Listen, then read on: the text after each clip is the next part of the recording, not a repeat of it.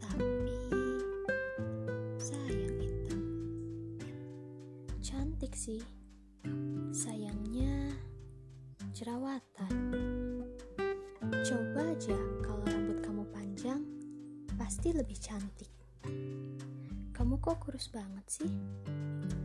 Udah kayak orang kurang gizi aja. Eh, kamu kendutan ya? Kebanyakan makan nih. Makanya diet, jaga pola makan. Pantas aja nggak punya pacar. Mana ada orang yang mau sama kamu? Omongan-omongan kayak gitu yang justru menjatuhkan kita. Masukan-masukan kayak gitu yang justru bikin kita ngerasa nggak pede, insecure.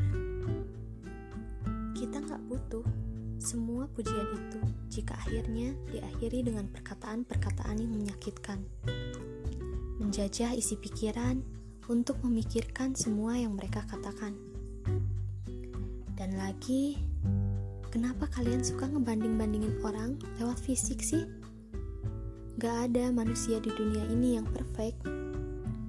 Mereka punya caranya sendiri untuk bersinar dan nunjukin kalau mereka itu cantik.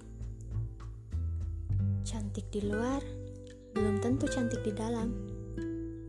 Begitu juga sebaliknya.